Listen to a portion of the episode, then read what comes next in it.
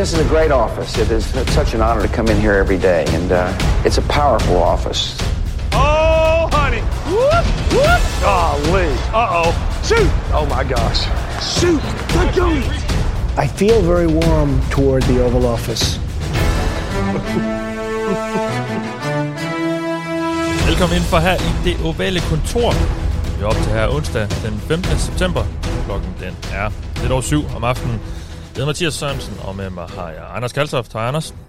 Hej Mathias, sikke en lyd på Pori, du havde der. Var det ikke skønt? Jo, det var herligt. Jeg sidder i mit ansigtsfodsved og klipper det sammen, kan man jo tydeligt høre. Og Thijs Joranger er også med mig. Hej Thijs. goddag, goddag Mathias. Fremragende intro. Tak. Og sidst men ikke mindst har vi Mark Skafte Våbengård. Hej Mark. Hej Mathias. Hvordan går det? Jamen, øh, udover at jeg ikke kan falde i søvn om natten uden at se dig lave gritty i min stue, så har jeg det okay. Ja, okay. Det er godt. Jamen, øh, jeg synes, det var så hyggeligt sidst. Det var det også. Ja. Jamen, Noget af øh, tiden i hvert fald. jeg, jeg synes, det var me- det meste af tiden. Ja. Øh, Særligt til sidst, ikke? Jo, ej, der, jo, der var vi begge to lidt i krise. Nå. jeg har samlet mine medværter over denne internetforbindelse, fordi vi skal snakke lidt om U2 i NFL. Ja, vi er i gang, godt i gang med sæsonen, og øh, vi skal snakke om den anden spillerunde i år, og øh, det skal vi gøre, som vi plejer at gøre, med fuld fokus på kampene, og øh, med de segmenter, som vi også har haft med de sidste par år, altså matchup, hvorfor vinder de, og så nogle spørgsmål, vi gerne vil have svar på i år, og så sætter vi selvfølgelig vores picks til sidst. Så det er, vi følger den samme opskrift, det fungerer meget godt, synes vi, så det bliver vi ved med. Og øh, der er også lidt på par punkter på nyhedsrunden, vi skal have rundet. Og så skal vi også lige have et enkelt takeaway fra sidste runde. Men inden vi går i gang, skal jeg lige sige tak til en masse rare mennesker, der støtter os inde på tier.dk. Det er dem, der gør det muligt, at vi kan sende og lave de her programmer. Så tusind tak til jer, der støtter os, og kunne du også tænke dig at blive en del af den klub, så gå ind på 10er.dk e og find det ovale kontor og støtter os. Det øhm, bliver vi rigtig glade for, og der er måske en fordel på et eller andet tidspunkt, inden så længe, ved at gøre det. Og så siger jeg ikke mere. Men øh, det kan man jo så overveje. Øhm, vi skal i gang med en nyhedsrunde, og der jeg har taget to punkter med, som jeg synes var lidt interessante lige at kunne snakke lidt om. Og det ene omhandler Jordan Mailata, og så tænker du måske, hvem er det nu lige det er? Ja, og det er jo så uh, Eagles' uh, venstre tackle. En tidligere, øh, hvad hedder, ja, var det rugby, han spillede egentlig? Eller hvad var det? Nu bliver jeg lidt i tvivl. Ja, det var det. Mhm. Og øh, han er fra Australien, og han er ganske god. Og det synes Eagles også. Så Harry Roseman, general manager, han har givet ham en fireårig kontrakt på 64 millioner dollar samlet, kan blive totalværdien. Vi kender ikke helt, hvordan der lige er stykket sammen og så videre endnu. Øh, Anders, jeg, jeg, jeg, han, har jo, han spillede sidste sæson.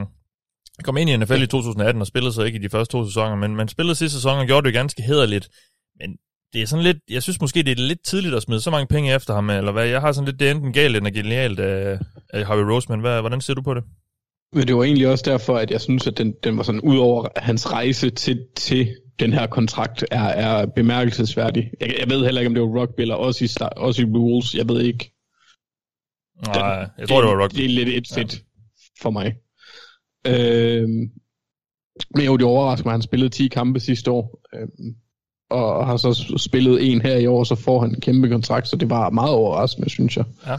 Men, men det kan da også, han spillede ganske fint mod Falcons. Nu vel nok en af de nemmeste modstandere, man kan få, i hvert fald i søndags. Det var ikke meget, de leverede. Men, men altså det der, det bliver, jeg synes det er vildt spændende, jeg synes det er vildt fedt, at vi får de her, hvor projekter får, får udløst deres potentiale på en eller anden måde. Vi havde jo tyskeren, både i Vikings og, og Bengals Moritz der, Moritz Der er aldrig- ja. der aldrig blev til noget. Så det, jeg synes, det er fedt at få lidt, øh, få lidt af det her internationale, der, Ja. der bliver en succes. Og så en dansker, der render rundt i Houston et eller andet sted. Ja, han må også gerne få en 4-årig kontrakt til 64 millioner. Ja, det tror jeg gerne, Hjalte vil. Øhm, jamen, jeg ved ikke, altså, Thijs, hvordan har du det med den her store kontrakt til Mailata, som jo ikke har vist så meget endnu, men han har jo så, vist, han har jo så gjort det udmærket, når han så har været på banen. Mm, Jamen, det må, det må bygge i, at Eagles internt har set til træning, at han ser utrolig god ud. Og de tror meget på, på fremtiden, og så kan man sige, så de give ham kontrakten nu, eller hvis han nu går ud og brænder banen af i år, så kunne det være, at han var endnu dyrere til foråret, og det er jo så det, de har prøvet at komme lidt i forkøbet formentlig. Øh, det er et sats, det er der ikke nogen tvivl om, det er. Um, men det er en af de vigtigste positioner, Eagles elsker at investere i en offensiv linje. Man kan så lige tænke over, hvad det betyder lidt om Andre Dillard, ikke? Så, eller Dillard, mm-hmm. som de draftede i første runde. Det må man sige, det er noget af et flop øh, på en eller anden måde, og så har de så været heldige at alligevel finde en venstre tackle. Um, men det, øh, det, det, det, jeg kan jo godt forstå det, hvis de har en stor tro på, at han bliver en mega god venstre tackle ham her. Men vi skal jo lige, vi, vi, uden for bygningen, der skal vi jo lige se det ske over en sæson, eller en halv sæson, eller et eller andet, at han spiller godt. Men, uh, men han må have bevis nok til træning, og uh, altså man kan man sige, til, til møder og alt muligt, at han, ja. er, han, er, han er en legit tackle i NFL. Ja. Jamen så lad os gå videre til det næste punkt, jeg lige synes, vi skal vende. Det er jo øh, skadesituationen, eller i hvert fald i, i Washington, der er jo rigtig mange skader i første runde af kampene, eller første runde af sæsonen, mm-hmm. som der jo altid er, og, og mange øh, langtidsskader, altså spiller der ud for sæsonen. Det er ham her ikke, det er Ryan Fitzpatrick ikke, men han er ude i 6-8 uger, han er jo altså en af, af ligaens startende quarterbacks, der vi gik ind i sæsonen, Mark. Øh, nu skal Washington så finde på noget andet, og det bliver så Taylor Heineke, tidshorisonten på Fitzmagic er 6-8 uger. Jeg ved egentlig ikke, hvor, hvor stort et, en nedgradering er det her, hvis det er det overhovedet. Uh, ja, og det synes jeg nu nok, det er. Altså, øh, det, det, Fitzmagic kommer jo med en, øh, med, med en erfaring og, og en stabilitet, i hvert fald en, en, en nogenlunde stabilitet, øhm, som, som måske skulle have været til at, hvad kan man sige, indkøre Heineke, hvis de havde tænkt sig at prøve ham senere. Men øh, det ved jeg ikke, jeg synes, det er måske fint nok, de giver ham chancen nu. Øh, der var mange Washington-fans, der i offseason skrev på, at øh, de skulle give ham en chance, og, og de ville gerne se, hvad de havde i ham. Det får de at se nu, og det er måske også meget fint for et hold, som står og skal vælge en quarterback næste år alligevel, hvis ikke de har noget i ham så, øh, så vi vidste alle sammen godt, at Fitzpatrick var en overgangsfigur, så, øh, så på den måde er det jo ikke verdens største skade, der er sket, og Washington skulle heller ikke ud og, ja selvfølgelig kan de kæmpe mere om at vinde divisionen, det er klart, men, men de skal ikke Super Bowl i år alligevel, um, så, så på den måde er det heller ikke et, en vanvittig vigtig brik, der, der er taget fra dem, det er Fitzpatrick, så ja, altså... Nu kan de måske se, hvad de har i Heineke. Sådan, jamen det er jo det, det, er jo det jeg, jeg ved godt, han har spillet også lidt, sådan, han spiller også lidt i sidste sæson jo og sådan noget, men nu får, han, nu får han nogle uger, hvor han ikke behøver at kigge sig over skulderen. Ja, lige præcis. Uh, jeg, jeg kan huske for meget lang tid siden, uh, da han var i, i Vikings, der var der mange, der havde ham som sådan en training camp darling, og meget gerne ville have beholdt ham som en form for backup til, til Kirk Cousins. Øhm, og, og siden da, så røg han lidt ud af NFL, og nu har han så, har han så chancen her igen. Og det, jeg synes det også, det bliver meget sjovt at se, hvad, hvad han kan som, som startende quarterback øh, for et hold, hvor, som du selv siger, han ikke behøver at kigge sig over skulderen. De kommer til at se, hvad de har i ham. Det er super. De står alligevel og skal have en quarterback øh, og vælge en, hvis det er, at der ikke er noget i ham, og så nu kan de se, hvad der er ham. Det er super. Altså, ja. ærgerligt væk for at se Fitzmagic. Uh, han er altså sjov at se. Jeg synes også, han var en god tilføjelse til Washington. Jeg er nok lidt mest på grund af hans person og noget af den stabilitet, han udgød, men altså, det, det bliver fint at se, hvad, hvad de har i Taylor Heineke. Det, uh, ja, det bliver meget interessant at følge. Ja, og vi bliver lige ved øh, Øh, og vi bliver ved med at kigge i bagspejlet og noget, der er sket, fordi vi skal lige have takeaway fra sidste runde, Markus, og, øh, som, øh, som du har fået lov til at komme med. Ja, og det kunne ikke være startet værre for Urban Myers og, og Jacksonville. Jeg tror, det var Thijs, der i sidste uge øh, fik sagt, at hvis der var en kamp, som Texans skulle kunne vinde i år, så var det den her. Og lige nu, der ser vi jo alle sammen jo rigtig dumme ud, fordi med den præstation, som begge hold leverede i søndags, så burde Texans jo nærmest have været store favoritter. Øh, men grunden til, at jeg vælger at fokusere på netop Myers i, i mit take, det er fordi, at hele holdet så ekstremt uforberedt ud. Altså, de lavede mentale fejl over hele linjen, og de blev direkte outcoached. Og selvom at Collie og Texans nu er startet flot, så tror jeg altså ikke, det kommer til at ske mange gange for dem i år, at de kan gøre det. Vi så en første halvleg, der i virkeligheden er den jeg synes beskriver kampen og det reelle resultat bedst. Så for mig er det den, man skal tage med, øh, hvis man skal tage noget som helst med for den kamp.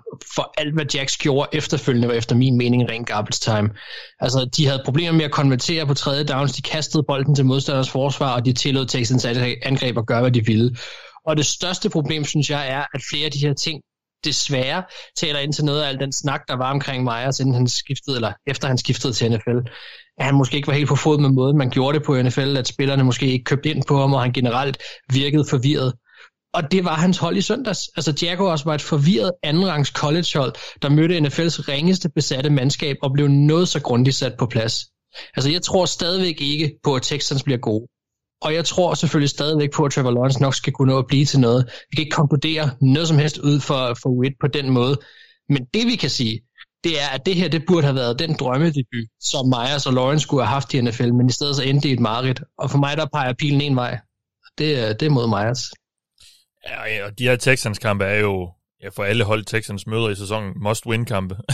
altså, det er jo, hvis man skal skrabe nogle sejre sammen, så skal man jo vinde over Texans. Så øh, det, det er en skidt start for Jaguars og det her Urban Meyer-projekt. Og han må allerede ud og, og afvise øh, historier om, at han måske kunne finde på at tage til USC og blive head coach osv. Altså, det, jeg, synes, jeg får sådan lidt, øh, hvad var det, han hed i Falcons, Bobby Petrino. Jeg ved ikke, om du kan huske ham, Anders. Øh, Øh, jo, jo, han var træner for blandt andet Lamar Jackson. Ja, i Louisville. Altså, han, han skrev jo øh, også meget, meget kort ind i en sæson, efter han mm. lang tid har sagt, nej, nej, det kunne han aldrig finde på. Jeg får sådan lidt flashback til det, øh, med den her øh, Urban Meyer-historie. Øh, han skal jo gå ud og afvise det, også, og selv hvis det er rigtigt, så skal han jo også sige det. Men altså, ja, jeg, jeg, det, jeg, jeg synes allerede, det lugter lidt af trainwreck, det her. Øh, det ved, det. Jeg ved det er dejligt, ikke? Det er bare skidt at komme ud i U1, ikke? Og så ligne, ja. altså, hvor spillerne ligner nogen, der ikke gider. Og der var ja. godt nok mange spillere, der ikke lignede, de ikke gad.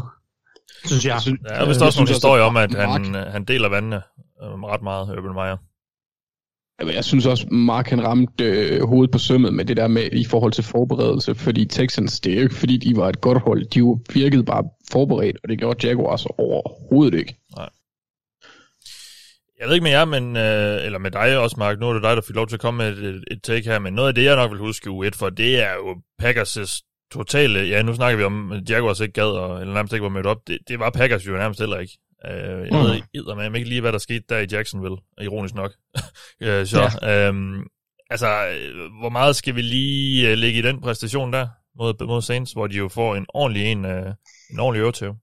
Ja, altså jeg, jeg har egentlig planlagt at snakke lidt om det senere også, ja, okay. når, vi skulle, når vi skulle kigge lidt fremad, men altså jeg vil, jeg vil sige, det, det er jo en, enormt svært med alle de her U1-kampe at lede noget som helst, og vi vil gerne lede enormt mange ting ud af det, men det, men det, det er jo reelt set rigtig svært. Jeg vil så til gengæld sige det som dig, sindssygt overrasket over, at de taber, men ikke bare de taber, men de taber på den måde, og Aaron Rodgers spiller på den måde, som han gør, og angrebet ser ud, som det gør. Det er, øh, altså det, det, det var nok den, jamen, den, den eneste ting, jeg nærmest ikke havde regnet med, kunne ske. Øh, og øh, det er sket, og det viser ja. jo så selvfølgelig også bare, at fodbold til en vis grad er, er vanvittigt uforudsigeligt.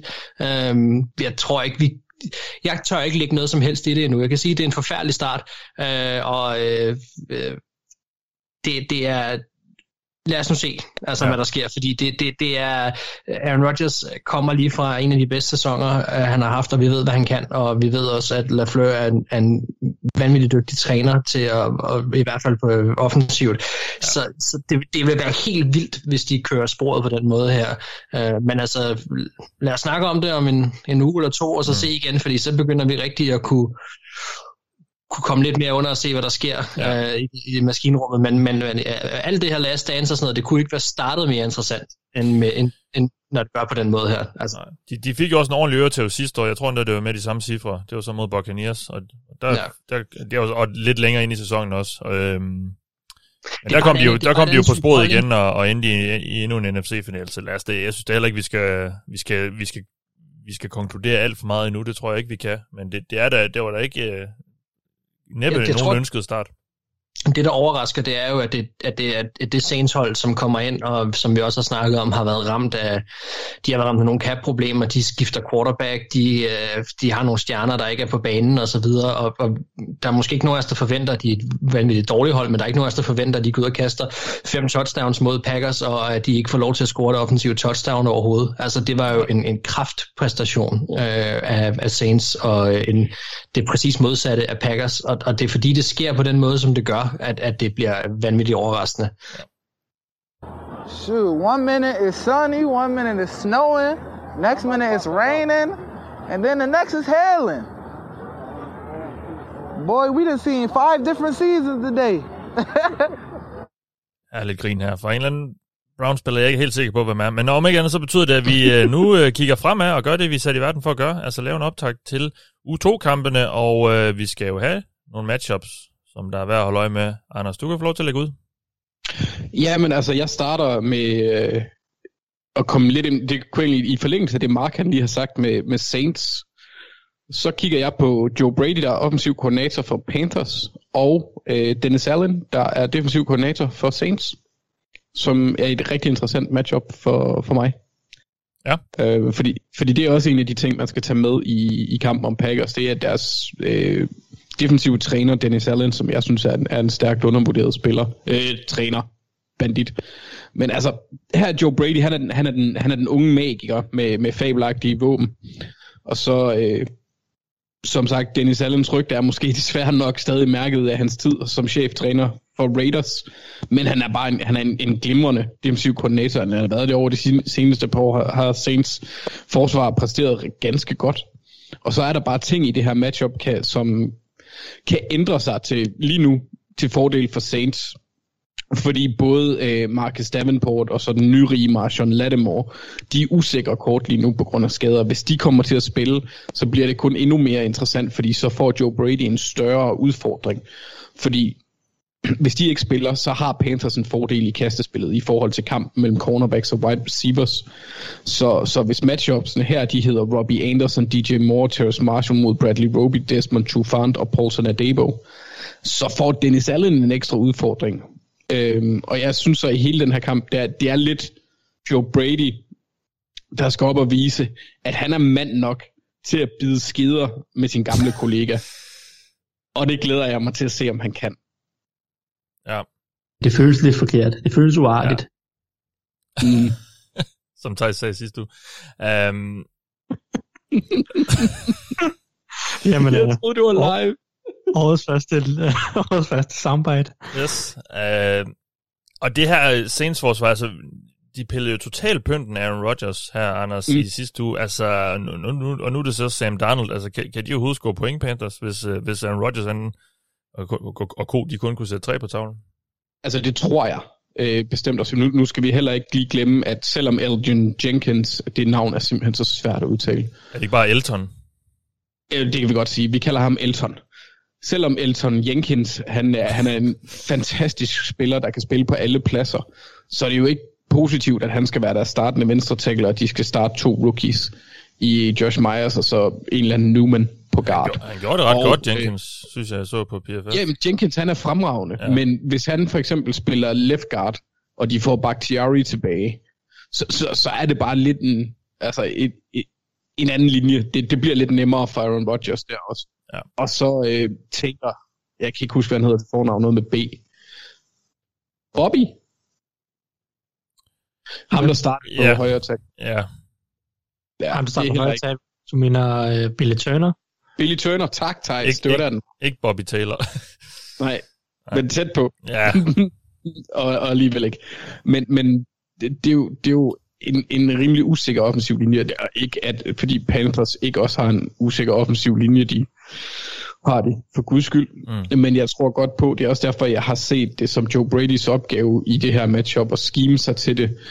Fordi Sam Darnold, han, han så jo god ud godt nok mod Jets. Øh, eller han så bedre ud, end han plejer at gøre. Lavede nogle gode, gode kast, og ikke nogle alt for tossede dumme beslutninger. Så altså, jeg, jeg er rigtig spændt på at se, hvilke positioner Joe Brady han kan sætte ham i. Det er derfor, jeg har fokus på træneren, fordi ja. jeg tænker, at det skal skimes. Du skimer ikke nødvendigvis Aaron Rodgers. Han arbejder inden for de rammer, han har, og uden for dem også. Ja, Sam Darnold, han skal arbejde inden for dem. Mm. Det bliver en svær kamp, men jeg, jeg glæder mig til at se, hvad de kan gøre ved det. Også fordi det, nu har jeg været efter Sam Darnold med hold nu op. Det kunne være en redemption story af Karat, hvis han faktisk får en nogenlunde form for succes. Ja, og så er det jo den, den første rigtige test for dem. Altså med alle er respekt for Robert Sarley og hvad han, hans evner som til at sende et forsvar på banen. Men det der Jets-mandskab er jo ikke super svært. Og det var så, dem slog de så i, i U1, og nu, nu gælder det et lidt mere kras forsvar, tror jeg nok, vi må sige. Um, ja, uden tvivl. Thijs, han, øh, han, han har indtil videre haft ret i mange af sine observationer, og det, det er jo træls. Hvad har Thijs sagt om Saints forsvar? Nå, men han havde dem væsentligt højere end, end vi andre. Nå, okay. Nå, ja, i uh, power ranking, ja. Ja. ja. Og på dig, Thijs, så skal vi have et matchup for dig. Ja, jamen, øhm, jeg vælger at gå homervejen, fordi jeg synes, der var en, en del skodkamp i den her uge, og så, øh, så tænker jeg, så kan jeg lige så godt snakke om mit eget hold en lille smule. Ja. Øh, og, og, og, så også en lille smule om ham, som, øh, som ødelagde øh, Anders' Ravens. Det, det føltes som en god kombination at snakke om det. Mm. Øh, så jeg har tænkt mig at snakke lidt om Darren Waller, og øh, Raiders' måske angreb generelt mod Steelers' forsvar. Fordi man kan sige... Kæft, Steelers Waller han fik mange targets mod Ravens. Hva? Undskyld, jeg afbrød. Det, er bare, det var helt absurd, så mange targets han fik jo, Waller. Ja, ja, altså det føles som om, det føles som om, at han var first eller second read på nærmest alle, ja. alle Raiders spil, ikke? Øh, og og det, det, er jo, det er jo ikke, måske ikke så overraskende, kan man sige. Han havde også en stor rolle i angrebet sidste år, og, og, og Raiders' receiver er ikke noget super værd at nævne. Altså, Brian Edwards havde der en fin kamp, i hvert fald øh, øh, det sidste del af kampen, og Henry Rocks kan der også nogle ting, men det er jo ikke, det er jo ikke spillere, der går ind og overtager kampen. Så det er jo, det er jo, Renfro slander. Ja, lige præcis. Uh, så det er, jo, det er jo Darren Waller, der skal bære det her kasteangreb, sammen med Carr og, og Grudens finurligheder. Uh, det, men det, som jeg synes bliver helt vildt interessant at se, det er egentlig fordi, det er egentlig lidt på grund af Steelers, fordi de sidste par år, to-tre år under Keith Butler, har Steelers været et hold, der lidt har kørt sådan live and die by the blitz. Det har været, altså de har bare blitzet sig i, i, i uendelighed, og mod nogle hold, øh, er det gået godt, fordi der har presset været øh, hurtigt nok i forhold til coverage, og så har det, så har det set mega godt ud, at de har fået en tonsvis af sacks og, og en masse turnovers og alt muligt, men mod gode quarterbacks, typisk i hvert fald, fordi det er de quarterbacks, der ofte har ligesom kunnet diagnostisere de her blitzes, blitzes og slippe af med bolden, der har Steelers haft kæmpe problemer og er inde i alle mulige åndssvage situationer i coverages, fordi de, de har blitzet så meget. Og mod Josh Allen, i den her uge, der skiftede de fuldstændig stil. Og blitzede, der er lidt, der er lidt uenigheder omkring, øh, om de blitzede mest, eller, øh, eller undskyld, øh, mindst eller fjerde mindst af alle hold i, i første runde. Hvis vi tager Pro Football Reference, så mener Pro Football Reference, at Steelers de blitzede 1,8% af gangene. Altså, det vil sige, at de blitzede ikke overhovedet. Og Steelers de var bare i, i top 3 i blitzes sidste år. Og jeg synes, det er meget interessant at se, om Steelers kommer til at køre en lidt anden defensiv filosofi, hvor nu hvor deres secondary måske er lidt mere usikker, og deres pass rush øh, er på så højt et niveau, og måske endda endnu bedre, fordi Melvin Ingram er et bedst af dimensioner, øh, at de måske faktisk vil begynde at spille en lille smule mere, øh, sådan, hvad skal man sige, ordentlig coverage nede bagved, i stedet for at lave alle mulige mærkelige ting. Øhm, det synes jeg er ret interessant at se, om de vil fortsætte den tendens, eller om det var, var sådan en Bills-specifik gameplan, som de har brugt hele sommeren på at udtænke. Øh, det kunne man jo også godt øh, tro. Men, men det, det, som de blandt andet gjorde på forsvar, det var at flytte Minka Fitzpatrick utrolig meget rundt, og gøre mange forskellige ting med ham, og gøre en de forskellige ting med, med bare generelt med deres øh, safeties. Øh, og det tror jeg bliver meget afgørende i forhold til Darren Waller, som Altså Ravens, de kørte rigtig meget man coverage, og de blitzede en del, som de plejer at gøre, og Derek Carr er generelt en god quarterback mod blitzen, og det bød sgu Ravens en lille smule bag i forhold til Darren Waller. De havde typisk Chuck Clark eller Marlon Humphrey, øh, nogle gange nogle andre safeties og cornerbacks, men primært defensive backs på Darren Waller. Øh, jeg regner bestemt med, at Steelers kommer til at køre noget af det samme med defensive backs, men jeg glæder mig til at se, om de fortsætter det her med at, at back en lille smule tilbage og spille coverage, spille en hel del zone coverage, som de gjorde i, imod Bills, eller om de vil prøve at gå tilbage til at blitse Raiders' øh, offensive linje, som er lidt ung og, og uerfaren, og Derek, og Derek Carr, øh, og generelt hvordan de håndterer Darren Waller. For mig er det nøgle-matchuppet, hvordan Steelers prøver at håndtere Darren Waller, og om det lykkes. Ja. Øhm, så det er jo, det, altså, som sagt, det er ikke så meget, fordi jeg har nogen idé om, hvordan det kommer til at ske, fordi vi har set en uges gameplan, og det var ret anderledes for Steelers, men jeg, jeg glæder mig, jeg tror, det bliver meget afgørende, øh, hvordan de ligesom håndterer Darren Waller. Ja. Ravens kunne ikke rigtig håndtere ham, Anders. Jeg skal bare, nu, nu ved jeg godt, at vi egentlig kigger fremad, men øh, den her start på sæsonen har jo været nærmest katastrofal for Ravens. Dels med det her nederlag efter de førte stort, og så med alle de her skader. Altså, hvad, mm. vi, skal måske, vi kan lige høre dig, hvad, hvad er fornemmelsen nu her? Det, er, er du allerede helt øh, opgivet? Har du, har du allerede givet helt op? Ja, altså, jeg, jeg, det spørgsmål er nok nemmere at stille mig efter uge 3. Øhm, fordi lige nu har jeg indstilling om, at vi er 0-2. Ja, fordi vi møder Chiefs i weekenden, og det plejer bare ikke at være godt. Øhm, altså, så synes jeg, Ra- Ra- Raiders-kampen, der var, øh, der, der, der var ikke ret meget mere, der kunne gå galt i den kamp, end det, der, end det, der skete. Altså, jeg, jeg drømte om natten, hvor jeg vågnede, og så drømte, der inden kampen var gået i gang, der havde jeg drømt, at, at Ravens tabte, og så tænkte jeg, nej, det kan sgu ikke lade sig gøre. Og så vågnede jeg senere, og så havde de tabt, og, og det var jeg sådan set ikke sådan super tilfreds med, så jeg, jeg er helt klart i den mere pessimistiske del. Øh, jeg tror godt, at det kan gå hen og blive værre end det worst case, jeg havde præsteret tidligere i år i vores øh, doc.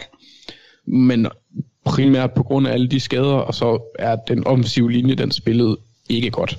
Nej. Og det bekymrer mig enormt meget. Øh, nu fik vi også Tyree Phillips, han er skadet derude for sæsonen.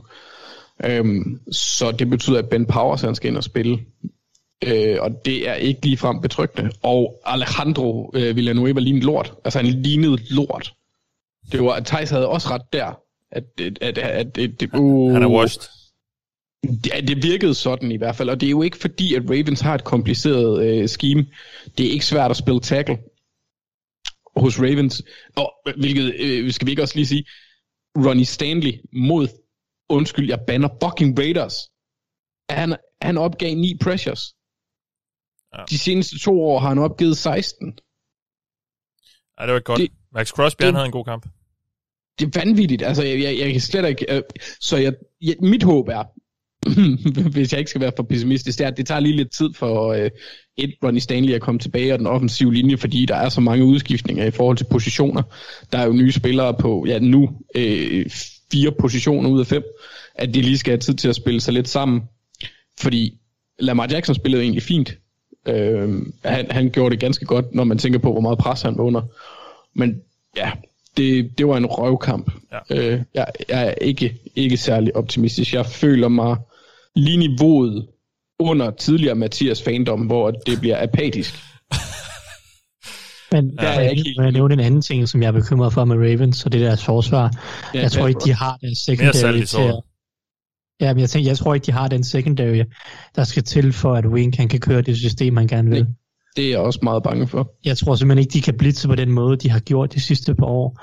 Øh, jeg tror, de bliver nødt til at jeg, jeg tror, de bliver nødt til at bakke mere tilbage og spille mere coverage. Og problemet med det er, at de har heller ikke pass rusherne til at vinde consistently som, altså, på den måde. Så de, de er sådan lidt fanget mellem to stole, hvor at det, altså, ja, det er ikke så...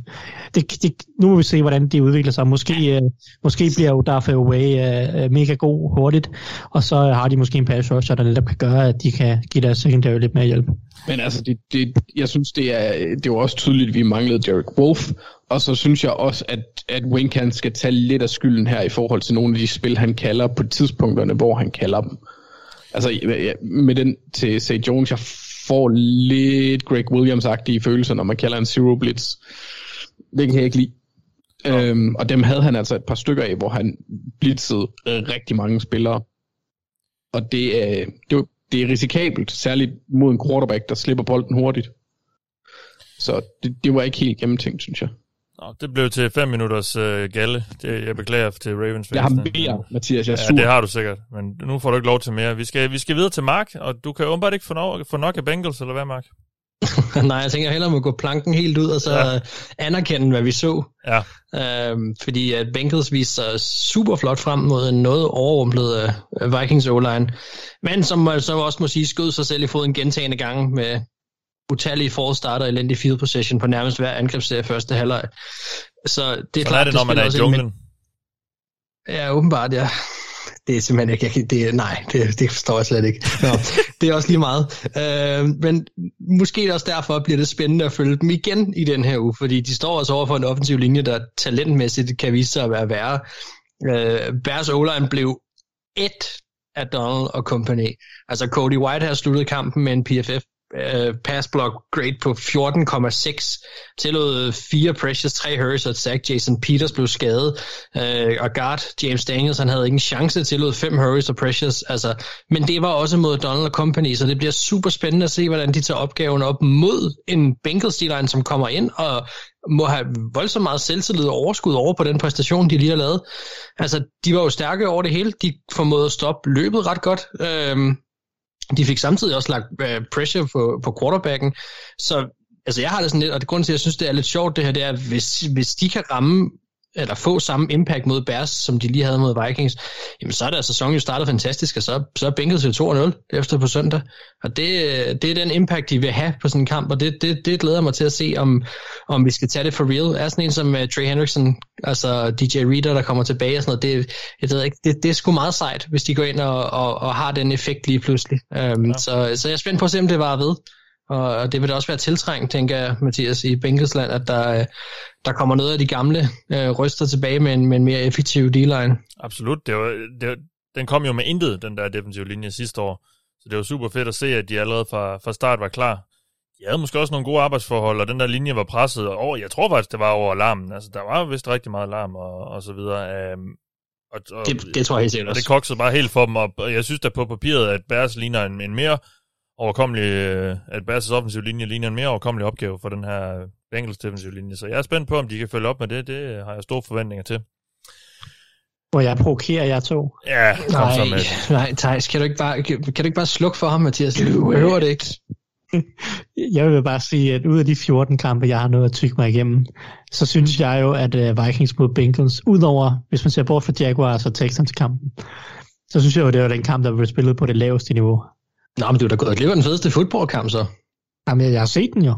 Nå, men så har, du, det, så har der også været noget godt ud af den her weekend. Jeg siger, er ud af de 14 kampe, jeg har set, så synes jeg, det var den på det næst ringeste niveau. Uh. Jeg synes, det føltes som en preseason-kamp i, i mængden af fejl, missede taklinger, blown coverages, øh, blown blokeringer, øh, konservative spilkald, øh, mængden af dump-offs, og altså, jeg synes, øh, det var bare for, jeg synes, jeg synes godt nok, det var en ringe Altså, kamp.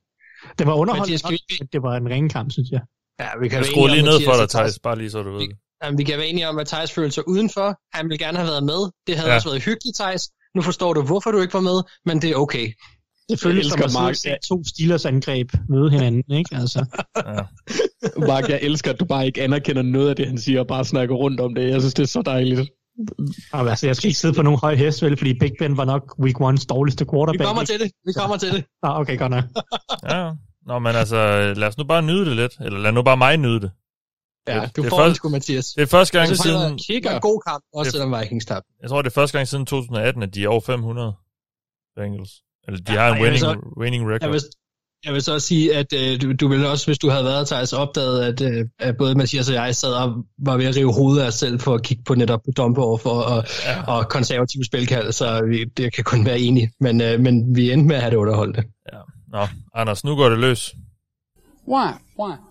Why? Why? Why? Why? Tell me why ain't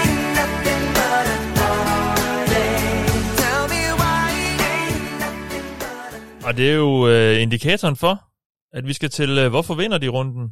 Anders, er du, er du i live? Eller er du... Øh... Ja, men nu tror jeg på, at Ravens vinder Super Bowl. Det der har, vel, der har vendt det hele.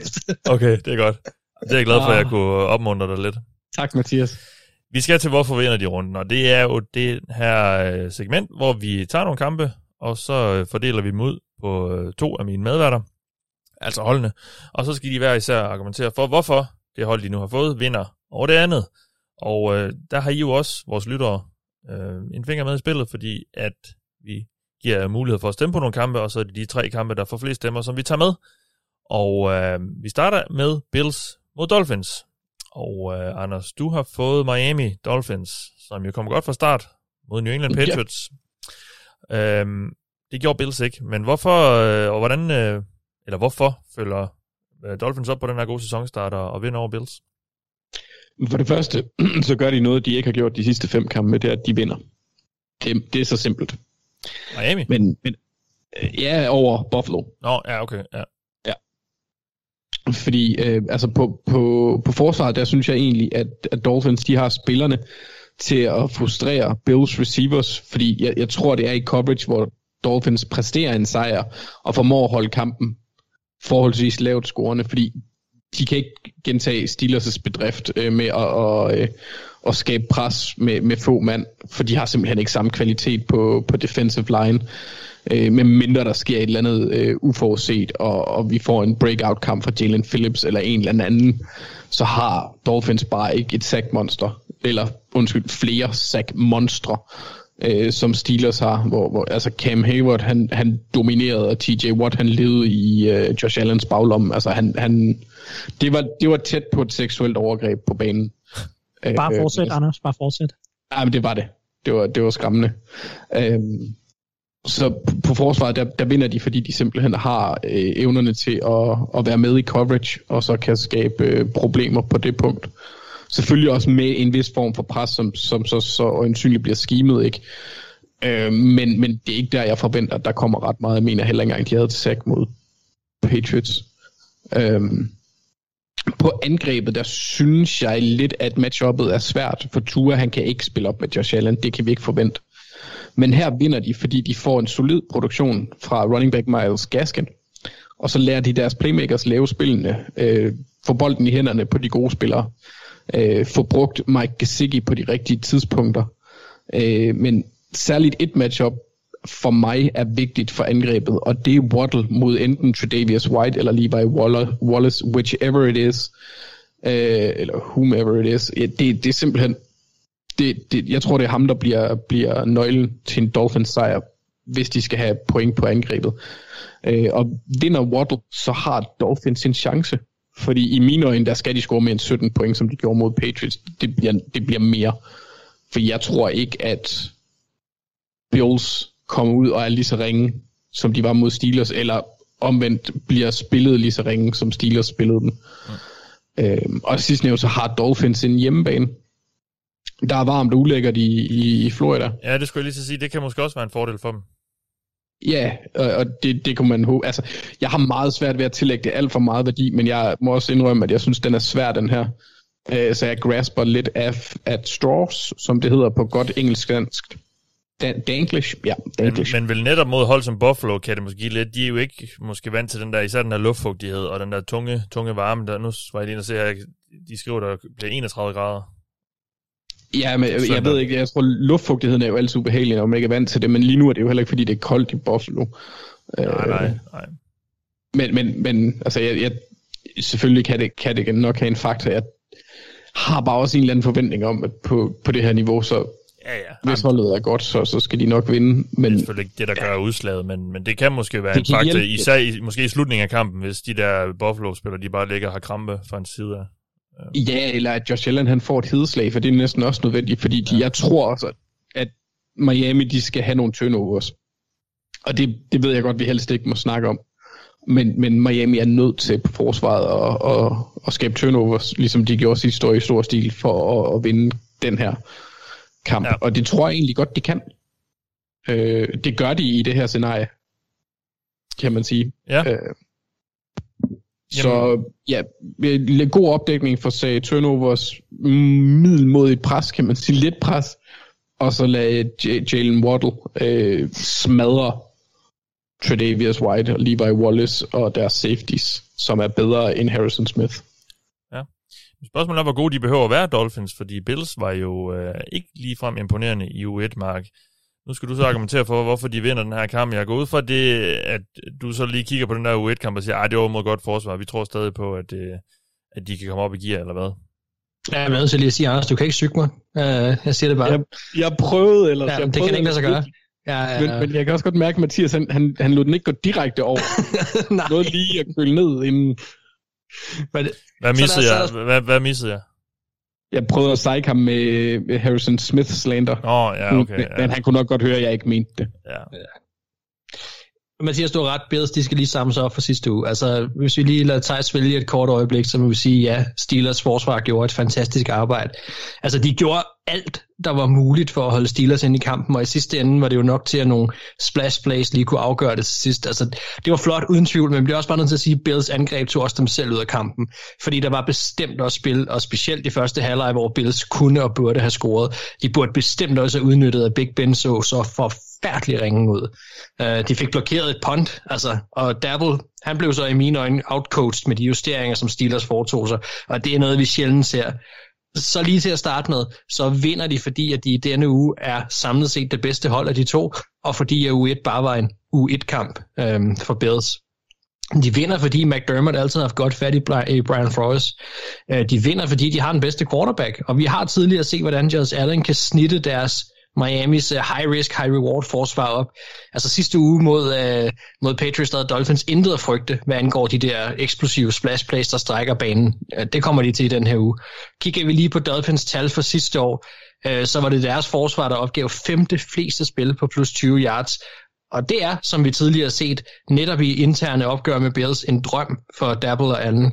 Øhm, de vinder også, fordi de er dygtige til at lave disguises på forsvaret. Altså Turas tal falder markant, når man tvinger ham til at holde på bolden og gå forbi sit første read. Han har voldsomme problemer under pres, og selvom Bills måske ikke er det mest skræmmende pass rush, så er Dolphins offensiv linje altså til at snakke med selv, hvis Austin Jackson kommer tilbage. Øh, de vinder også, fordi de i sidste uge viste, at de kan stoppe løbet, selv mod en god running back. Øh, mod Dolphins, så kan de ideelt set tvinge ture til at skulle afgøre det her selv. Og det synes jeg ikke er ideelt for Miami, der gerne vil løbe bolden i en noget tættere ratio på, hvad de kaster, øh, modsat for eksempel et hold som Bills. Og så ved vi, at Ture kan tage de her dårlige beslutninger og, og smide en bold op i luften, øh, når, han bliver, når han bliver presset, og det bliver tæt. De vinder også, fordi at de på forsvaret sidste uge viste, at de kan sætte dem selv i positioner til at skabe turnovers. De havde, som jeg husker, tre, to, tre muligheder for turnovers, øh, der ikke blev til noget. To, to mulige interceptions, en der blev kaldt tilbage på en holding, og så havde de en forceret fumble, som de ikke selv fik fat i. Altså, jeg synes, det var små ting, når man sidder og kigger på det, som var imod dem. Og mod en quarterback som Ture, så skal de nok få de chancer igen. Ja. Thijs, jeg vil lige smide en over til dig, fordi jeg går ud for, du, du har jo nærstuderet den kamp der mod øh, Bills Steelers. Altså i forhold til Bills, hvor bekymret skal Bills fans være for det, de så? Der, altså, der er jo lidt snak om, øh, hvad jo, Josh Allen, han lignede lidt, øh, han lignede ikke med 2020 Josh Allen måske. Altså, hvad, hvad, hvad så du for dem? Jeg vil ikke være så bekymret. Nej. Det føles, som Mark siger, nu skal jeg lade være med at, at lægge mig over på hans side, det føles meget som en week one kamp. Ja. Det, jeg, jeg, siger, jeg nævnte også lidt tidligere, det føles virkelig meget som en kamp, hvor Steelers har brugt hele sommeren på at forberede sig til den her kamp. Jeg mener altså, den her gameplan, nu skal vi selvfølgelig se, hvad Steelers har tænkt sig at gøre fremadrettet, men den her gameplan føles utrolig Bills specifikt på forsvaret.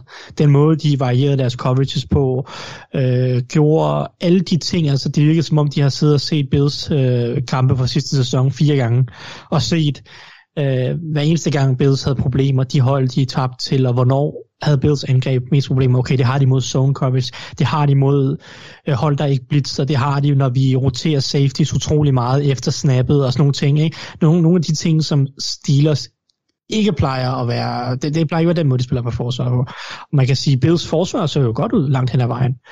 Uh, man kan, jeg tror stadig ikke, jeg synes stadig ikke, at pass rushet var fænomenalt, men det var ok.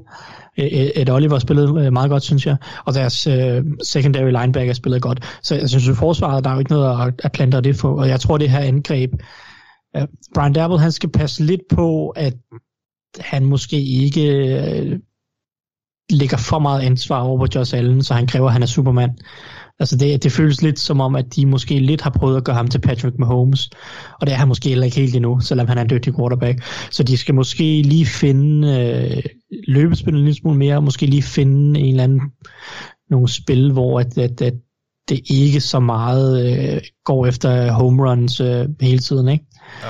Øhm, så, så jeg, jeg er ikke så bekymret. Jeg tror, øh, som sæsonen skrider frem, skal de nok finde en rytme på angrebet, og, og så skal de nok finde nogle modsvar mod, altså fordi nu har Steelers formentlig brugt hele året, øh, hele sommeren på at finde en modopskrift mod Bills angreb.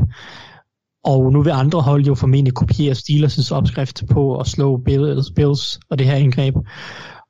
Og det er jo lidt det, som, som vi ofte ser med, at et godt angreb i sæson 2, efter at de har haft en offensiv eksplosion, så skal de til at finde en ny måde at gøre tingene på, eller en lidt mm. anden måde at gøre tingene på, fordi alle hold lige pludselig har brugt hele sommeren på at studere det her angreb. Og det har holdene i FC East helt sikkert også, apropos Dolphins og Patriots. De har også alle sammen siddet og kigget på, okay, det her Bills angreb, hvordan stopper vi det bedst?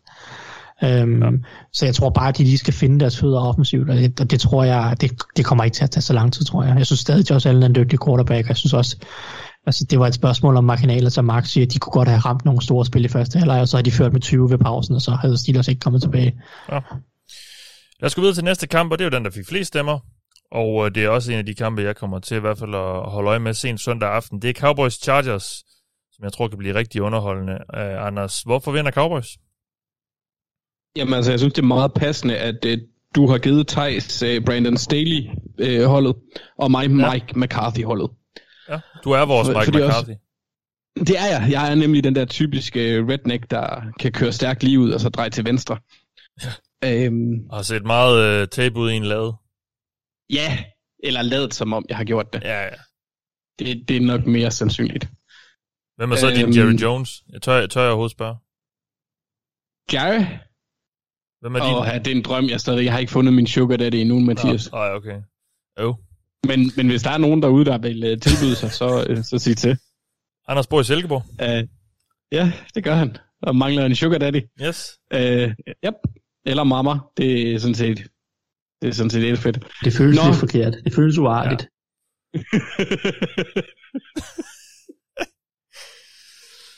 Yes. Nå, det var Cowboys, vi kom fra. Hvorfor, hvorfor, hvorfor vinder de over Chargers?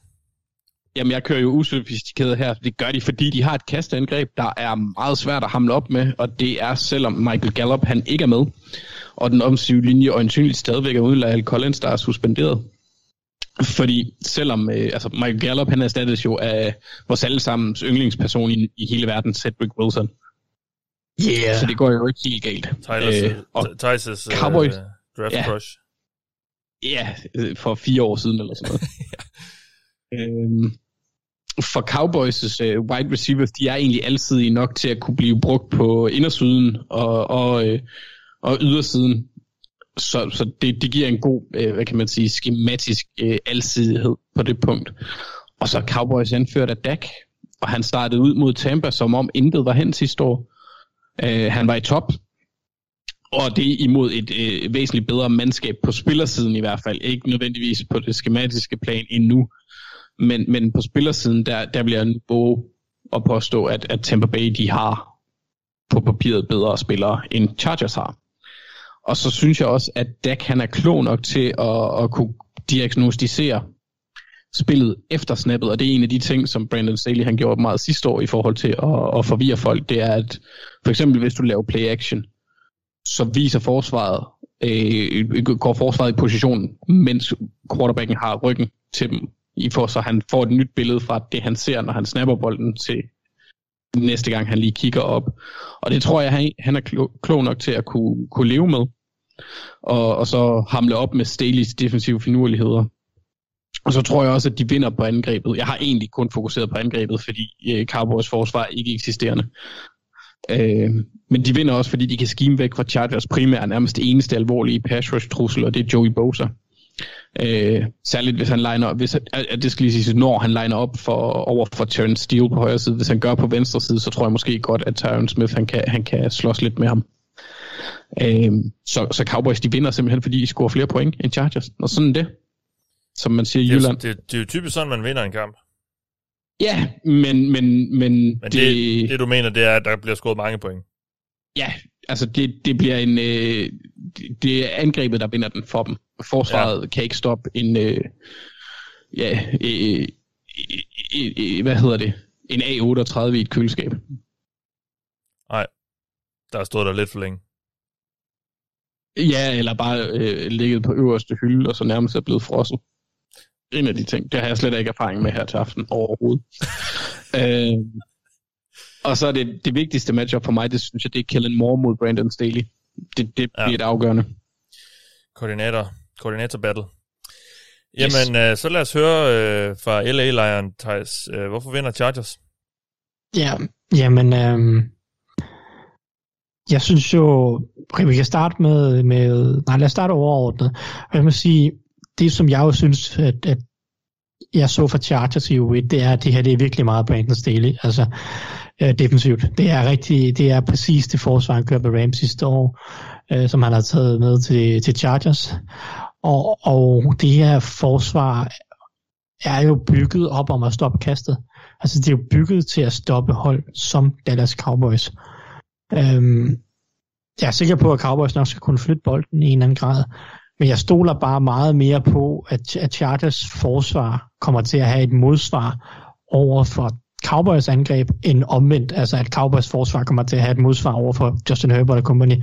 Fordi Brandon Staley er bare så dygtig en defensiv koordinator, en defensiv hjerne, og det her forsvar var mod, også mod Washington jo, øh, med undtagelse af et vanvittigt Terry McLaurin-kast, eller øh, catch, så, så tillod det bare ikke ret meget gennem luften i, i den første uge. Jo jo, så Anthony Gibson, eller Antonio Gibson har et par løbepister her, hvor han flytter bolden. Det betyder jo ikke noget. Altså, de, Washington scorer 16 point. Jeg ved godt, at, at Derek Prescott er jo øh, fem niveauer over en kombination af Ryan Bat, Fitzpatrick og, og, og øh, Taylor Heineke. Men, men altså, Chargers forsvar så rigtig solidt ud i kastespillet. Dervin James var forrygende. Fedt at have ham tilbage. Håber, han kan sammensætte en hel sæson. Øh, han er en mega stjerne i det her forsvar, fordi han kan blive flyttet rundt og gøre så mange forskellige ting. Øh, jeg synes, deres cornerback-gruppe så rigtig solid ud. Der er selvfølgelig Chris Harris og, og Michael Davis, som vi ved er solide cornerbacks, men Asante Samuel Jr. spillede en fin kamp i U1 her. Øh, hvis de kan fortsætte, så har de også bare cornerbacks på et højere niveau, end Cowboys har. Og det er lidt der, jeg føler, at den ligger. At Chargers har et, et defensivt modsvar, som Cowboys ikke har. Fordi Cowboys forsvarsstyrke, som jeg ser det, det, det, det er det Marcus Lawrence. Der er ikke rigtig noget andet, der betyder noget på det forsvar. Og det er Marcus Lawrence, han skal over for en offensiv linje fra Chargers, som jeg synes så rigtig solid ud i U1. Jeg synes, den så virkelig dygtig ud. Nu er der selvfølgelig lidt spørgsmålstegn omkring Brian Bulaga, men forventningen er, at han spiller, og det er selvfølgelig ham, der kommer til at stå mest over for Lawrence. Men hvis du har Bulaga, så har Chargers lige nu fem gode offensive linjefolk, ser det ud til. Ja. Fordi Sean Slater, han var forrygende han var forrygende mod Washingtons gode linje. Altså det, det matchup, som Mark påpegede i sidste uge, eller han, det var vist hans spørgsmål, at kan den her Chargers offensive linje leve op til, til sådan de håb, vi har på den? Ja, vi har jo store kunne forventninger til den. Ja, det kunne den i den grad. Så jeg føler jo, at så neutraliserer den her offensive linje den ene ting, som Cowboys måske kan en lille smule, hvilket er rush quarterbacken. Og så er det op til den her secondary og den her linebacker-gruppe, som jeg bare stoler 0% på i coverage. Øh, og jeg synes jo, Justin Herbert spillede en forrygende i U1. De har Keenan Allen, de har Mike Williams, de har gode våben. Det her angreb så rigtig fornuftigt ud. Så jeg tror bare ikke, at Cowboys kan stoppe øh, Chargers, mens at jeg tror, at Chargers kan stoppe Cowboys en lille smule. Øhm, og, og det tror jeg er det, der kommer til at være forskellen. Og hvis selvfølgelig øh, spillermæssigt, så er det Joey Bosa mod Terrence Steele det største mismatch i, i NFL's historie. ja, måske ikke helt, men i den her kamp i hvert fald. Ikke? Ja. Øhm, så, så jeg synes bare, at Chargers er bedre rustet til at begrænse Cowboys angrebet, mens Cowboys forsvar ikke kan begrænse Chargers fors- angrebet ret meget. Øhm, det er lidt der, den ligger for mig, og derfor der tror jeg, at Chargers de vinder. Ja, Modtaget. Vi skal til den sidste kamp, og det er et NFC-opgør. Godt nok ikke divisions. Men to NFC-hold, der øh, kom fra land med en sejr. 49ers mod Philadelphia Eagles. Og Mark, øh, hvorfor vinder Eagles? Jamen, uh, Mathias, de vinder, fordi at uh, de kan matche 49ers i skyttegravene. Deres quarterback, han er mobil, og hans coach pakker ham lige nu ind i bobleplast. Uh, Eagles wide receivers, de kan få nogle gode matchups, specielt med Barrett ude, og så er 49ers secondary lige nu hverken dyb eller særlig god, heller ikke mod Titans. Uh, Philly havde sidste uge en kamp med bedre EPA end i nogen anden kamp, de spillede sidste år. Og det skete, fordi de formåede at tegne nogle kastevenlige spil op til Hurts. Vi skal lige, Øh, blandt, IPA, vi har, vi har snakket meget om, om, øh, om DVOA. Og det, øh, Hvad er det, det handler om? Effektivitet. det, det gør EPA jo egentlig også. Ja. Sådan i, i grov, i grov, grov tegn. Vi har, vi har måske snakket lidt om det før, bare lige for dem, der måske ikke lige helt med på det EPA. Expected points added. Altså det er sådan lidt om, hvor meget tilfører man til en sejr, eller til at score point. Det er bare lige for at få det på plads. Sådan så folk de sidder og tænker, hvad fanden er det for noget, vi snakker om. yes. Fyr den af. Ja, Ja, og det, det er sket, fordi de formåede at tegne de her øh, kastevenlige spil op til Hurts på blandt andet en, øh, en screen, som, øh, som Jalen Rigger også tog hele vejen. Og Hurts havde også succes med at løbe for downs, men altså også at rulle ud til højre og løbe og kaste. Og det kan han selvfølgelig på grund af den scheme, som Sirianni har tegnet op for ham. Men det kan han også, fordi den offensive linje lige nu er super stærk, og den kombination er nøglen til at slå 49ers. Altså en mobil quarterback, der ikke bliver sat meget under pres, fordi hans linje er stærk, og fordi han kan bevæge sig. Og lige nu har han en head coach, der har styr på, hvad hans quarterback kan præstere, har, har evner, og hvad han ikke mindst har af begrænsninger. Øh, de vinder, fordi at de ud fra den meget lille sample size, vi har af deres angreb lige nu, skal regne med, at de fortsætter med den der effektive øh, hvad kan man sige, angrebsstil, deres øh, RPO og screenbaseret Death by a Thousand Paper Cuts angreb. Men det behøver ikke kun at være det.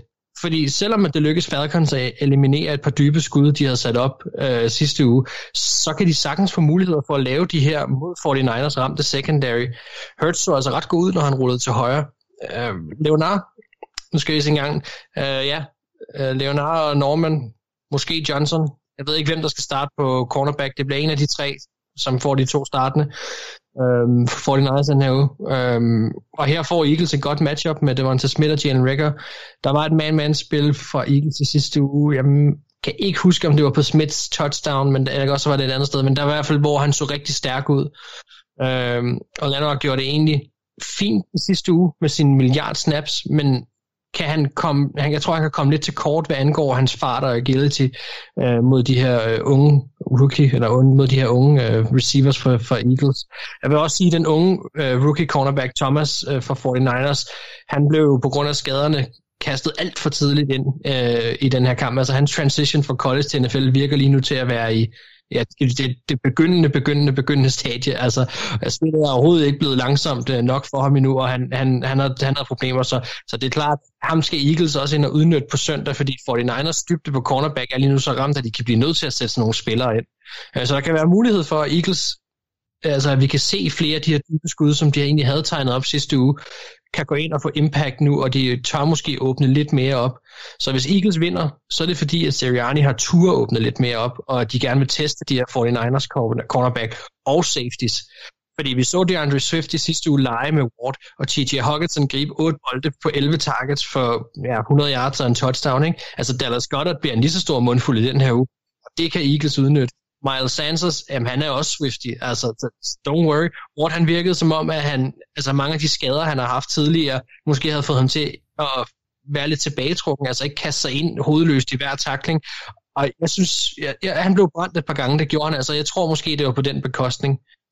På den anden side af skyttegravene, jamen, så så vi også, at Eagles kunne formå at lægge pres på, på Matt Ryan med, med kun tre og nogle, med fire, og nogle gange også kun tre mand, øh, tre mands pres på linjen, og det gav dem muligheden for at gøre op for nogle af de mangler og problemer, de måske kan have i opdækningen ned ad banen, og det bliver super spændende at følge den kamp mellem linjerne på søndag, fordi kan Eagles fortsætte på den måde, så ser det rigtig godt ud for dem.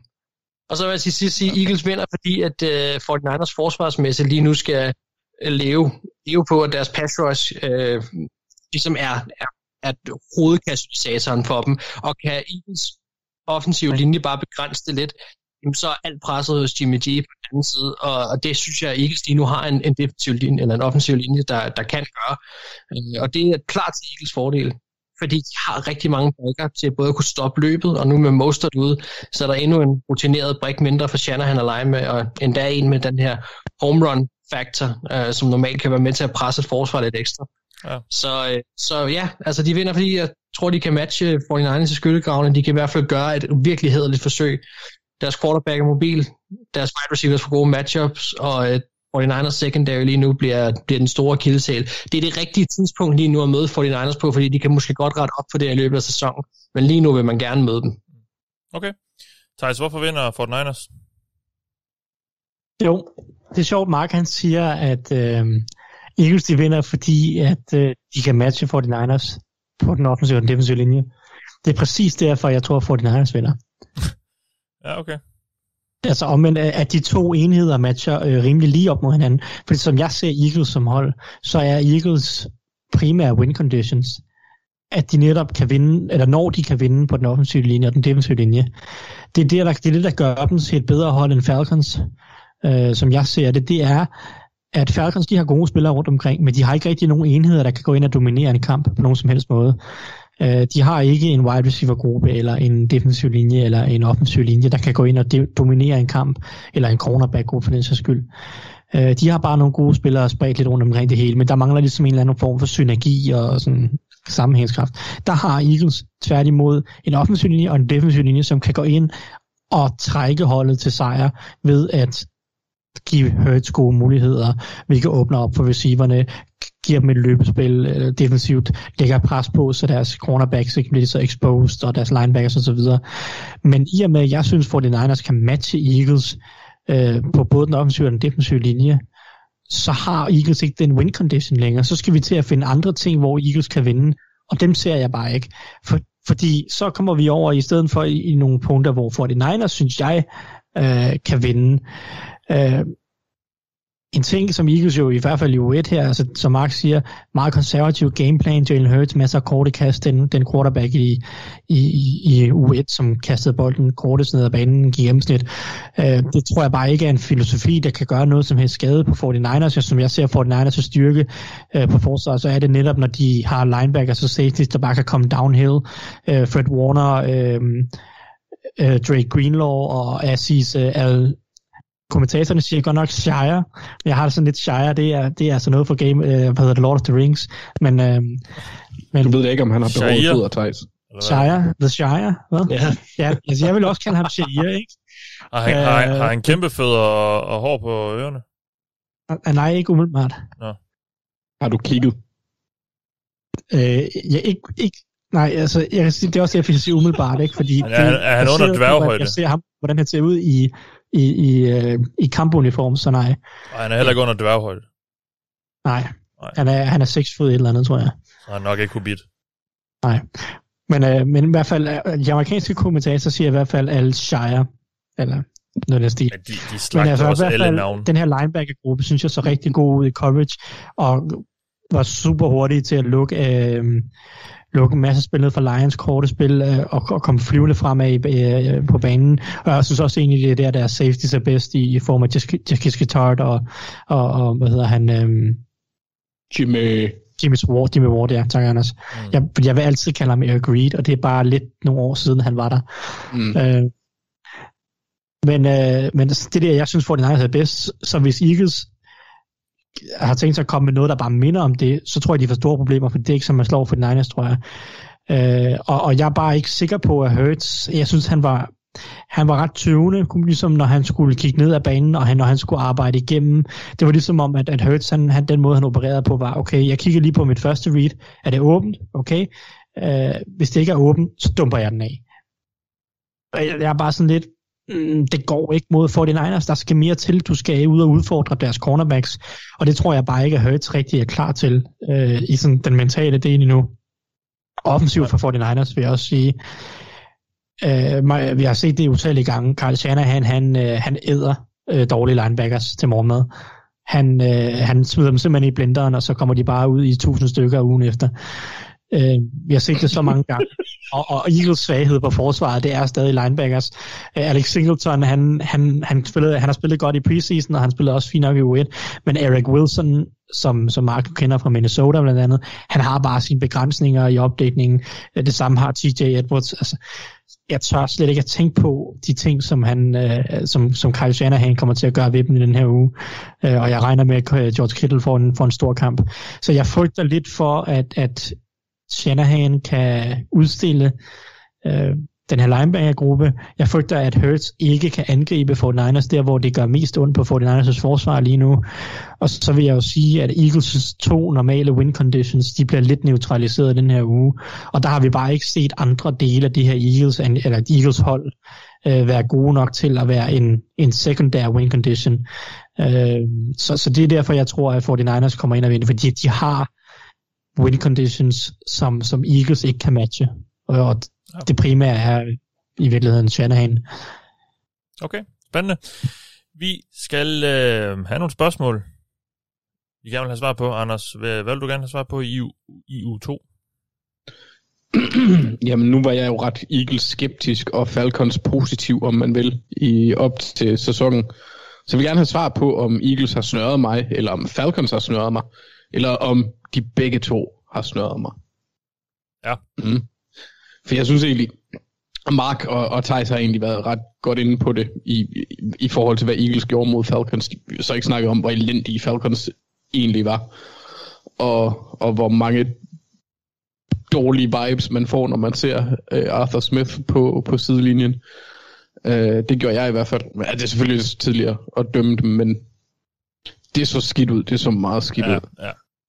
Øhm, og jeg vil egentlig gerne se, om det var øh, en U1-ting, eller om, om det er noget, der fortsætter. Om det er en, en, kan man sige, en retning, der kommer til at, vi kommer til at følge resten af sæsonen. Øh, fordi Falcons kan jo godt få en gentagelse af sidste sæson, hvor de ender med et top 5 valg, og Eagles kan sagtens også ende med at, at blive et midterhold.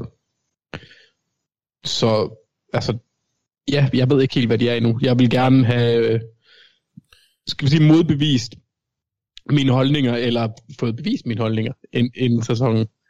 Og det tror jeg måske, der er lidt større øh, sandsynlighed for, at vi får i, i, i hvert fald i forhold til Eagles, når de skal møde 49ers. Ja. Øhm, I forhold til, hvor de reelt set står, fordi det, Falcons var et tegneseriehold. Så det er svært Ja. at vurdere, hvad fanden de kan. Ja. Øhm, Og det er vel egentlig sådan med mange af holdene. Altså, vi, vi kan jo ikke alt, vi kan jo ikke konkludere noget efter uge 1. Og der er mange af de hold her, der vil få justeret på nogle ting og rettet op på, no- på, øh, på nogle systemer og nogle spilkald og så videre, som gør, at de bliver skarpere i løbet af sæsonen. Og de, og så er der bare nogen, der kommer dårligt ud af startblokken der, altså i U1. Så, så det er jo sådan lidt, altså, man skal jo generelt lige tage det lidt med ro der efter U1, og ikke øh, køre sig selv alt for meget op i den ene eller anden retning angående mange, mange af holdene i NFL. Ja, og for nogen hold også U2. Den, den skal man heller ikke tænke på. Nej. Øh, Og jeg skal også lige styre mig med mine øh, Bengals. Øh. Altså, Mathias, I kan jo ende med, at uh, ID er 2-0, og Ravens er 0-2. Det, ah, Det er også bare ja, okay, fordi... jeg, jeg, jeg har brug for noget mere Backstreet Boys. Det får du ikke. Nej. Men, øh, jeg, er bare, jeg er bare glad for Joe Burrow, og jeg synes, han er sej.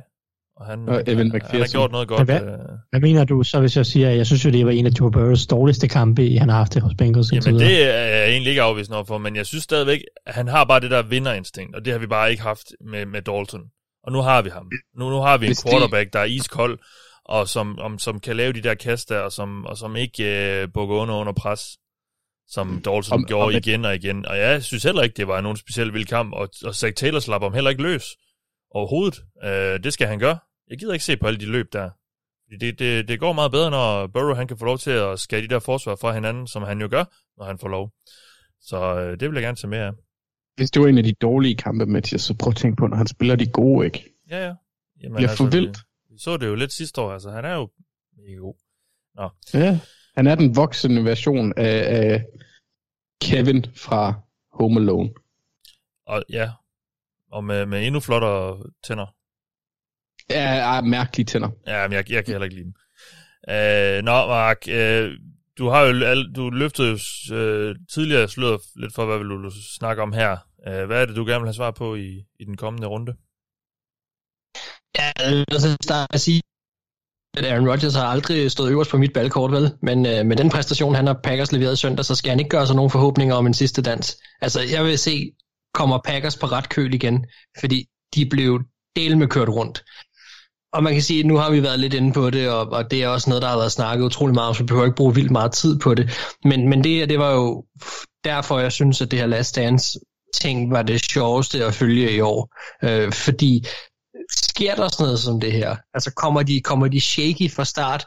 Øh, bliver alle de der øh, forestillinger, som mange havde om, at øh, Packers øh, var, var favoritter til at gå i Super Bowl, bliver de gjort lidt til skammen til at starte med? Hvad sker der så?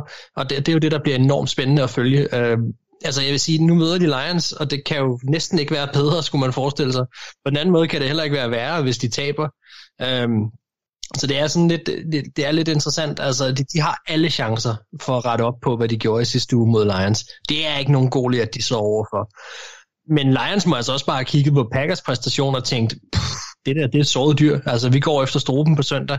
Og, og det, det, det bliver interessant øh, at se, fordi selvfølgelig er det ikke en katastrofe for Packers at starte 0-2. De kan sagtens overkomme det. Det er alt for tidligt at sige noget om det. Men det, der bliver interessant at følge, det er, hvordan taber de, hvis de taber? er det, er det, hvad, hvad, hvad sker der? Fordi det, der skete i, i søndags, det var jo det var helt vanvittigt jo. Altså, at, at ender med, at Rodgers bliver bænket og alt muligt. Ikke? Altså, det, det, det, var, det var noget, som øh, selv i min vildeste fantasi havde jeg aldrig turde at sige, at det var realistisk, det der skete i søndags. Og, øh, og derfor bliver det enormt spændende at se, hvad for et Packers hold kommer ud nu, fordi de fik en på hatten. Ja. Thijs, et spørgsmål, du gerne vil have svar på? Ja, jamen en af de kampe, vi ikke har snakket om endnu, det var egentlig, øh, det var egentlig Cardinals, der, øh, der gav Tennessee Titans en omgang øh, en smæk over knæet. Og jeg synes en af de, der var ikke rigtig nogen her os, der troede på Cardinals i år. Og der var der egentlig mange grunde til, tror jeg. Der var både noget Cliff Kingsbury, og der var også noget forsvaret, vi ikke troede på. Jeg, jeg var især skeptisk omkring det her forsvar, fordi jeg sad og tænkte, øh, den her secondary ligner bare noget, jeg skulle til at sige, din bag.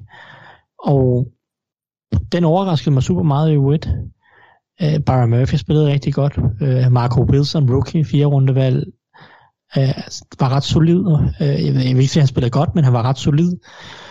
Øh, Robert Alford var inde, spillede solidt, er, er, jo en erfaren øh, cornerback, der godt nok har været meget skadet.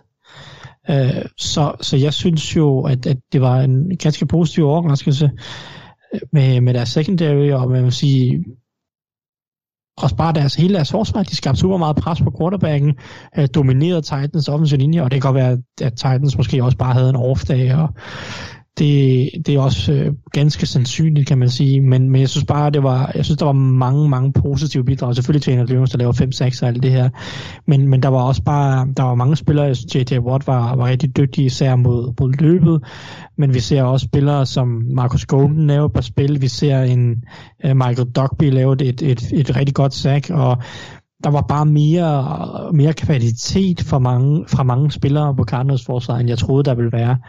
Og måske var det bare Titans, der var lort, men det kan være, at vi finder ud af det i den her uge øh, mod, mod, mod Vikings, som selvom de heller ikke var ret imponerende i U1, trods alt kommer med nogle udfordringer i form af et meget defineret system, og en dygtig Dalvin Cook, og en dygtig Adam Thielen, og en dygtig Justin Jefferson. Så der bliver endnu en udfordring til den her Cardinals secondary, øh, som, som de skal ud og bevise sig. Så jeg glæder mig meget til at se, om Cardinals ligesom kan fortsætte det her. Øh, selvfølgelig også offensivt. Altså, kan, kan vi virkelig, har vi virkelig et Cardinals hold, der kan ramme et højt niveau øh, mange uger i træk her? Fordi så, det, så begynder det at være sjovt. Øh, det har de bare ikke rigtig været i stand til de tidligere på år. Så, så jeg holder lidt øje med Cardinals i den her uge. Jeg vil gerne se ja. dem, øh, jeg vil gerne se dem slå Vikings egentlig. Ja. Er det egentlig ikke meget det, det samme type hold, sådan i forhold til tilgang, de skal op og møde øh, jo, i, jo, altså, Schememæssigt er det jo stadig det her outside uh, zone uh, løbeangreb, og man kan, jo, altså jo, det er To stærke receivers, ingen tight ends, en middelmodig offensiv linje, og så en running back, der er ret god, og så en rimelig effektiv quarterback også, normalt. På, på mange måder vil det være det samme. Uh, og der kan man sige, der har, der har Vikings jo så fået opskriften på, hvordan man ikke skal gøre. Uh, ja, det må man sige. Så, så, men altså, det er egentlig mest bare stabiliteten, for det er egentlig det, jeg føler, der mangler. Og man kan så sige, at Vikings forsvar, tror jeg på, er bedre end, end, end Titans. Øh, Så der kommer også til at være lidt mere der på, på Cardinals angrebsside, øh, som hvor de også skal vise lidt mere kontinuitet, øh, og, og måske i hvert fald måske på, i receivergruppen vise, at netop Christian Kirk og AJ Green kan fortsætte med at bidrage på en ordentlig måde. Vi går videre. Oh, pick me! Oh, I know! I know me! Me! Okay, fine. Tak til Morten Kammersgaard, en tidligere kollega her på Gul Klud, og tidligere medstudent til mig faktisk på, øh, på Journalisthøjskolen, for det, der bidrag til vores jagt på en øh, jingle til vores øh, picks-segment her. Øh, det er jo lidt et projekt, jeg har kørende her i løbet af sæsonen, og øh, det er altid dejligt med lidt hjælp udefra. Så, øh, så tak til Morten. Vi skal spille picks, men vi skal først lige have en status. Og først, faktisk før den status, skal jeg lige komme med en oplysning, fordi nu skal I lige høre. Vi har fået de her kopper lavet. Tak til dig, Mark, for et super fedt design. Jeg fik selv med en øh, hjem, eller et par stykker med hjem fra dig, øh, der er jo hjemme ved dig i søndags, og øh, de er super fede, de her kopper, og der er rigtig mange af jer, der gerne vil have fat i en, og, og de gerne vil købe en, og det er vi jo øh, meget, meget bæret over, og det synes vi er mega, mega fedt, at I vil øh, støtte os på den måde. Vi, har, vi har aldrig solgt noget før, altså vi skal lige have helt styr på hele den der proces der. Men altså, vi skal nok melde noget ud, lige så snart vi ved, hvordan vi lige får det ordnet med, med forsendelse og, og alt sådan noget. Så øh, vi, det er altså noget, vi arbejder på. Men I kan faktisk vinde nogle af de her kopper, og, og de kan så ikke vinde dem lige nu. Men det er sådan, vi, vi har jo den her liga inde på Pix.dk, altså Dog-ligaen. Øhm, og det er sådan, så top 3, dem der slutter i top 3 for sæsonen, de vinder altså en kop. Så der er præmier at spille om, og det er jo endnu en grund til at gå ind og melde sig ind i vores liga. Vi er øh, 130 stykker lige nu, og det er jo fedt, men der er altså plads til mange, mange flere. Så gå ind og øh, spil Pix med os inde på Pix.dk i Dog-ligaen. D-O-K med store bogstaver mellemrum ligaen med stort L. Find den og, og meld dig ind, og så kan du altså spille Pix med os.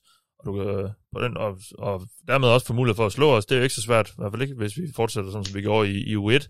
Og så kan du altså, hvis du ender i top 3 for sæsonen, vinde en af de her meget, meget eksklusive og meget, meget, synes jeg selv, fede kopper, som vi har fået lavet. Nå, de her, øh, som sagt, en lille status. Øh, vi har jo et mål om at ramme to tredjedel af kampene. Vi har fået en skidt start. Jeg ved godt, at at der ikke gælder point i forhold til picks øh, konkurrence, men vi tæller jo stadig, hvor mange vi rammer. Det, det gælder over hele sæsonen, bare fordi det er en prøverunde på picks.dk, så kan vi ikke trække dem fra. Og vi rammer altså kun halvdelen af kampene. Så vi skal lige til at op os lidt. Og der var også nogle overraskelser og nogle resultater, som ingen nok havde set komme. Men altså, øh, det må Ja, vi... kan, vi, ikke- kan vi ikke bare sige, at vi også lige havde nu et? Man skal Og vi, lige vi, havde, altså. vi havde også en prøverunde. Ja. Men problemet er, som sagt, den kan vi ikke trække fra, Mark. Så vi skal, Nej, jo, ja, ved det så, godt. vi, vi skal jo op i gear nu her. Øhm, Og vi starter med Thursday Night Football. Det er Washington Football Team mod New York Giants. Mark, hvem tror du vinder? Det tror jeg, at uh, Washington Football Team gør. Ja. Du må også godt bare sætte den i toppen. Du, du fyrer den bare op, du. Hvorfor var det så sjovt? Fordi Mark hedder Giants. Ja. Nej, Ja. men altså, jeg, jeg, jeg synes, det er et bedre hold, de møder. Også selvom det er Taylor Jeg Heineke. skulle lige sige også, men, det, øh, er, selvom det er Heineke. Yes, men jeg tror, at, øh, at det her Washington-forsvar kan få øh, Daniel Jones til at skulle skifte bukser i halvlejen, hvis jeg skal være helt ærlig. Og øh, det bliver et problem for dem. Ja, han, øh, han bliver også ved med at give boldene til modstanderen. Så det er jo... Yes. Øh, det, er jo Kan godt lide at fumble. det kan han godt, ja. Jamen, øh, Anders, hvem tror du vinder? Øh, øh, football team, Giants var godt nok dårlige. Ja, Thijs. Ja, men altså, jeg tror, jeg allerede efter uge 1 har lavet en, øh, eller er klar til at komme med en erklæring, og det er, at jeg vælger ikke Giants, så længe Jason Garrett han er offensiv koordinator. Jeg gider ikke at se på det. Bum, Okay, sådan det. sådan det. Vi går videre. Chicago Bears mod Cincinnati Bengals. Thijs. Hvor lød du glad. Hvor, vi, vi kan også lige snakke lidt om, hvor mange af jer, der valgte Bengals i sidste uge. Det var, Jeg var fristet, Mathias. det var, sådan set et, det var sådan set et 0. Ja, altså, jeg var overhovedet ikke fristet, kan jeg fortælle Nej, dig. du var slet ikke fristet. det er jeg nu, vil jeg Ja. så sige. Men, Ja, okay. Nå, det var mest bare konceptet, at Vikings burde ikke måtte tabe den kamp, men det gjorde de så. Det gjorde de så, ja. Hvem tror du vinder, Thijs? Jeg tror, at Bengals vinder. Uff. Har I uh, læst i, at uh, Bears de ikke forsøgte... Det føles lidt forkert. Det føles uartigt. Ja, hvad siger du?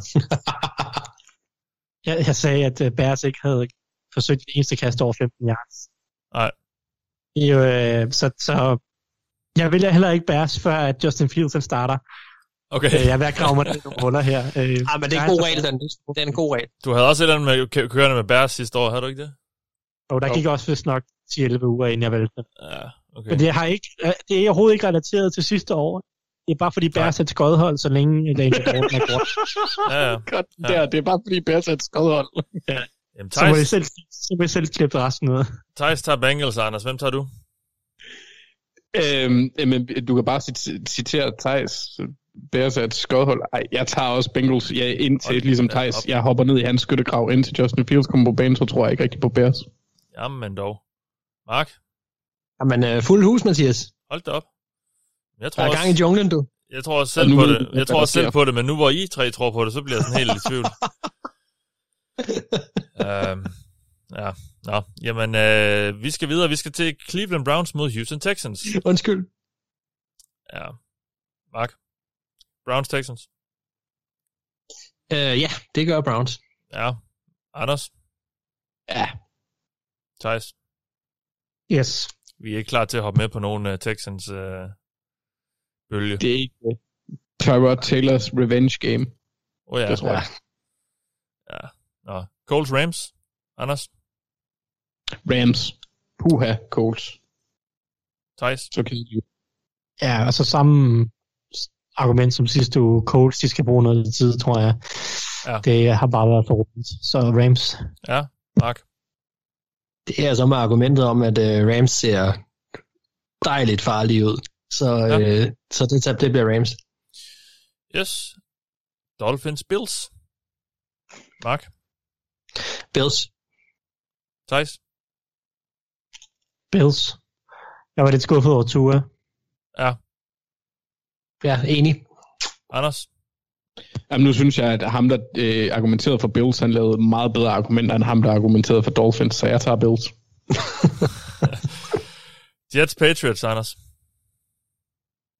Patriots. Ja. Vi, Mac Jones så rimelig skarp ud. Ja, jeg, jeg, jeg er stadigvæk ikke helt Ja. med på vognen der. Hvem vil du helst Jones have? lignede den bedste quarterback i AFC East. Jeg skulle lige så sige, hvem vil du hel, hvem vil helst have? Tua eller Mac? Mac. Ja. Ja. Men jeg har, jeg har, altid, havde- jeg har aldrig været glad for Tua. Nej, det ved jeg godt. Øh, vi, det var Anders, du sagde Patriots. Uh, Thijs? Patriots. Mark? Yes. I er forbavsende enige. Eagles 49ers, den er, der er måske lidt mere delt. det vand. Øh, den deler måske vandene lidt mere. Øh, Thijs, vi begynder med dig. Du har argumenteret for Øh, 49ers. Jamen, jeg er jo, jeg er jo Eagles øh, believeren her i, øh, i kvartet. Ja, Men øh, jeg går med 49ers. Jeg tror ikke, at Eagles er klar til at beskære med, med dem endnu. nej, okay. Mark? Jamen, øh, jeg tager også 49ers. Okay. Det er simpelthen, øh, det er simpelthen Shanahan, øh, som, som trækker det store læs for mig her. Øh, der er noget mere stabilitet der. Jeg synes, jeg holder fast i, at, at, at det kan godt lade sig gøre for Eagles, og man vil gerne møde 49ers nu, når de er så svækket i deres secondary. Det, det synes jeg sådan set er, er, er validt nok, men jeg er, ikke, jeg er ikke sikker på, at jeg tror, de bliver for stor en mundfuld alligevel. Ja, okay. Anders?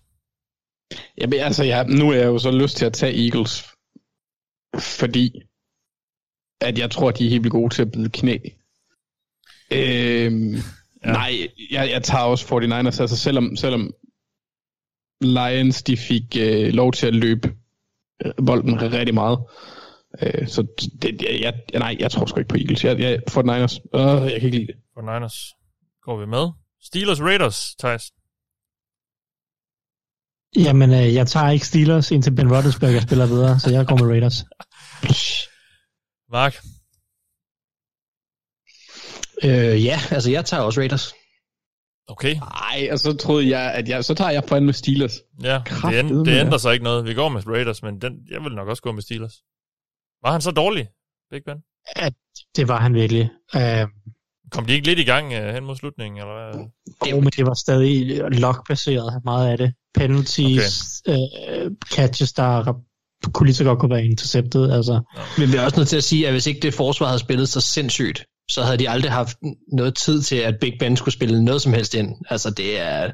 Det, sådan kan de sgu ikke komme ud og spille, altså. Altså, jeg ved godt, de vandt over Bills, og de spillede super godt på forsvar, men spillede den kamp 20 gange, så taber Steelers mindst 17 af dem. Altså. Ja, det er, okay. det er jeg også meget enig i. Ja, okay. Så, Men de kommer med noget hype nu, Raiders, det synes jeg ikke, vi skal underkende. Altså, øh, det var sgu en vild kamp, de fik spillet der, og lad os da se, hvad de kan. Jeg vil godt give dem et upside nu. Jeg er ikke super overbevist om, om Raiders. Ja, det er jeg godt nok heller ikke. Nej. Panthers Saints, Panthers Saints, Anders. Øh, Saints. Ja, Mark? Jamen, nu bliver jeg nødt til lige at spørge, ved vi, om Sean Payton kommer til at være der, og hvor mange coaches mangler de og sådan noget? Nej, der er jo lidt, Det er øh, lidt ham, der er corona der. Ja, men det... Okay. Jeg mener, Nej, jeg- at det var ham og i Pete Carmichael og Zach Strief eller sådan noget, som ikke er syge. Okay. Ja, men de mangler deres O-line-træner, wide receiver-træner, tight end-træner og en eller anden træner mere på angrebet. Ja. Og Michael Thomas, som ikke skulle spille de, alligevel. er de vaccineret, så kan de vil komme tilbage?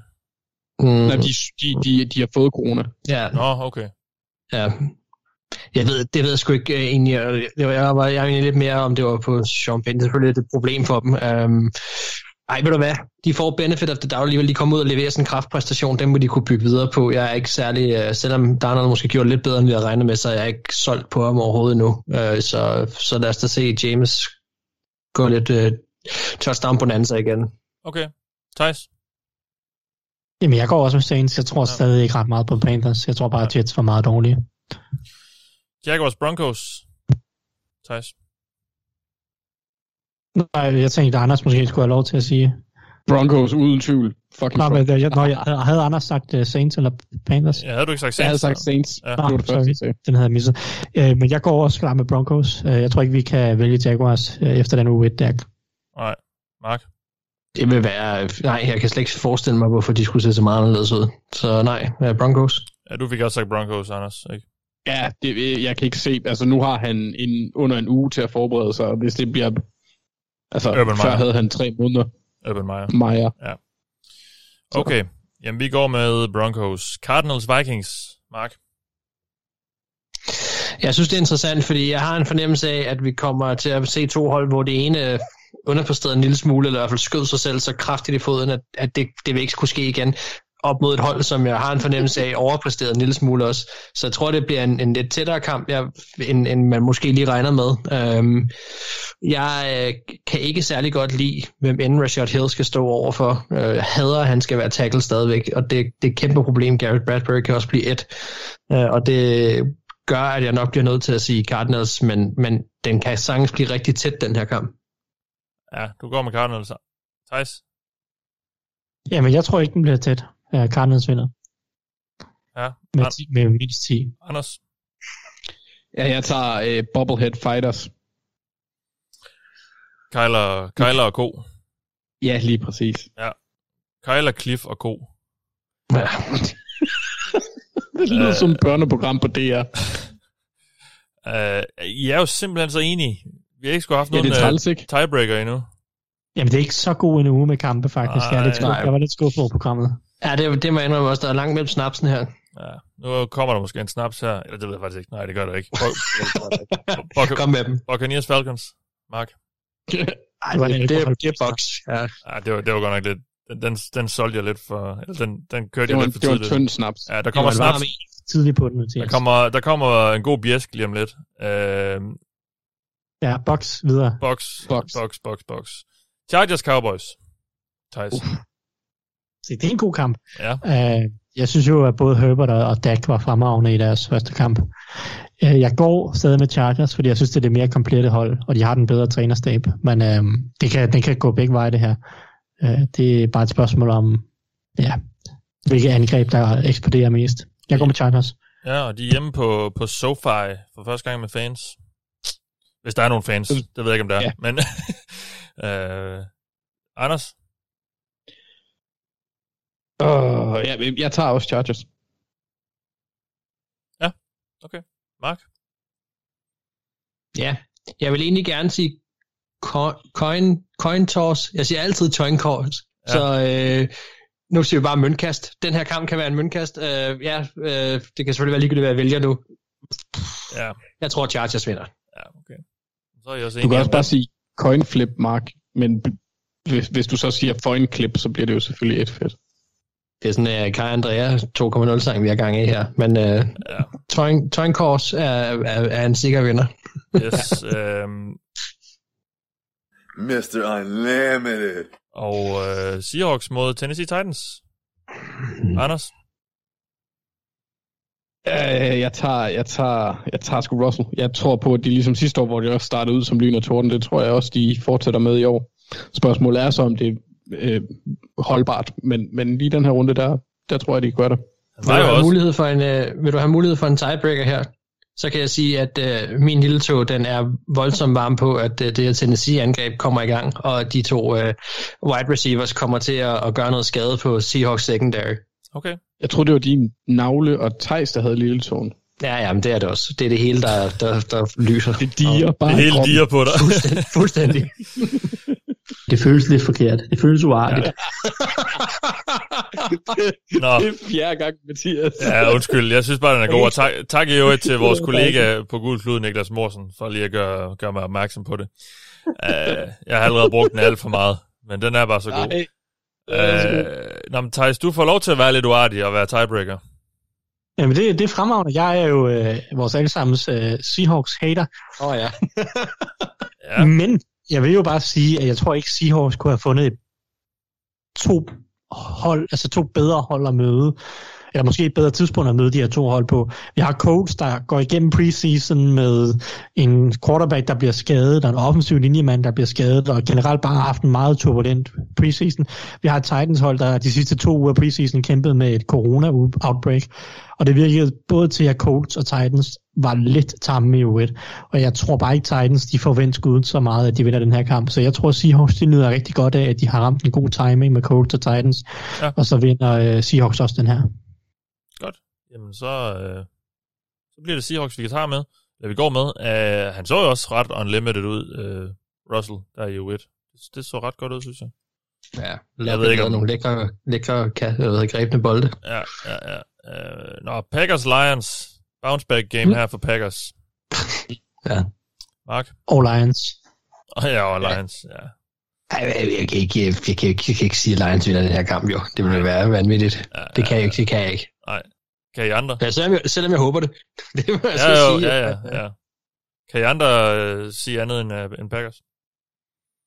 Jeg vil sige, at man skal holde øje med, hvor godt Lions løb bolden i U1, Mm-hmm. og hvor ringe Packers var til at stoppe løbet i U1. Ja. Uh, det giver en, en eller anden form for win condition, men uh, selvfølgelig går Packers. Altså, det, det må man gøre. Ja. Anders? Ja. Ja, men jeg tror heller ikke på, at Lions secondary sådan helt kan leve op nu Nej. til, til, til kastangrebet hos Packers. Så Packers. Sidste kamp, Anders. Vi skal til det. Mm-mm. Ravens Chiefs. Hvad? Hvad? Ja, Ravens spiller ikke i u 2. Nej, okay. Det bliver grimt så, kan jeg godt mærke. De øh, sender bare Trace McSorley ind, og så er det bare, så er det, bare det. Nej, men u 2 eksisterer ikke. Den kamp eksisterer ikke. Jeg har, jeg har fortrængt allerede på forhånd den kamp. Okay. Mm. Du, du går med Chiefs. Ja, men jeg, jeg, der er en ting, som jeg egentlig gerne vil have sat som mit matchup, det er Odafe Owe mod Orlando Brown. Jeg tror, det bliver et sjovt matchup. Ja. Øh, fordi Orlando Brown, han er ikke ligefrem en hurtig tackle. Han er stor, han er lang, han er stærk. Øh, det er Odafe Owe også, men han er også bare fandens hurtig. Så øh, jeg, jeg er spændt på at se, om, om der kan skabes lidt problemer der i den kamp, der ikke kommer til at ske. Men øh, jeg tror på, at øh, det hold, som er dumt, vinder. Mark? Jamen, det, det vil jo... Ja, nej, det gør Chiefs. Jeg gider ikke engang prøve. Thijs? Chiefs. Chiefs. Det var alle kampene for den omgang, og øh, forbavsende enige var vi, eller var I. På den Vi går ned sammen. Ja, sådan er det jo, og det er jo også, øh, det er jo også godt. Øh, Det må betyde, at øh, de er meget, de er meget åbenlyse at kalde de her kampe i den her uge. Det var det for vores uge 2 optakt, og øh, ja, vi er tilbage igen om en uge. Der snakker vi om uge 3. I denne omgang, i denne omgang der har du lyttet til mig. Jeg hedder Mathias Sørensen med mig har jeg haft. Anders Kaltoft, Max Skafte Våbengård og Thijs Joranger. Vi lyttes ved.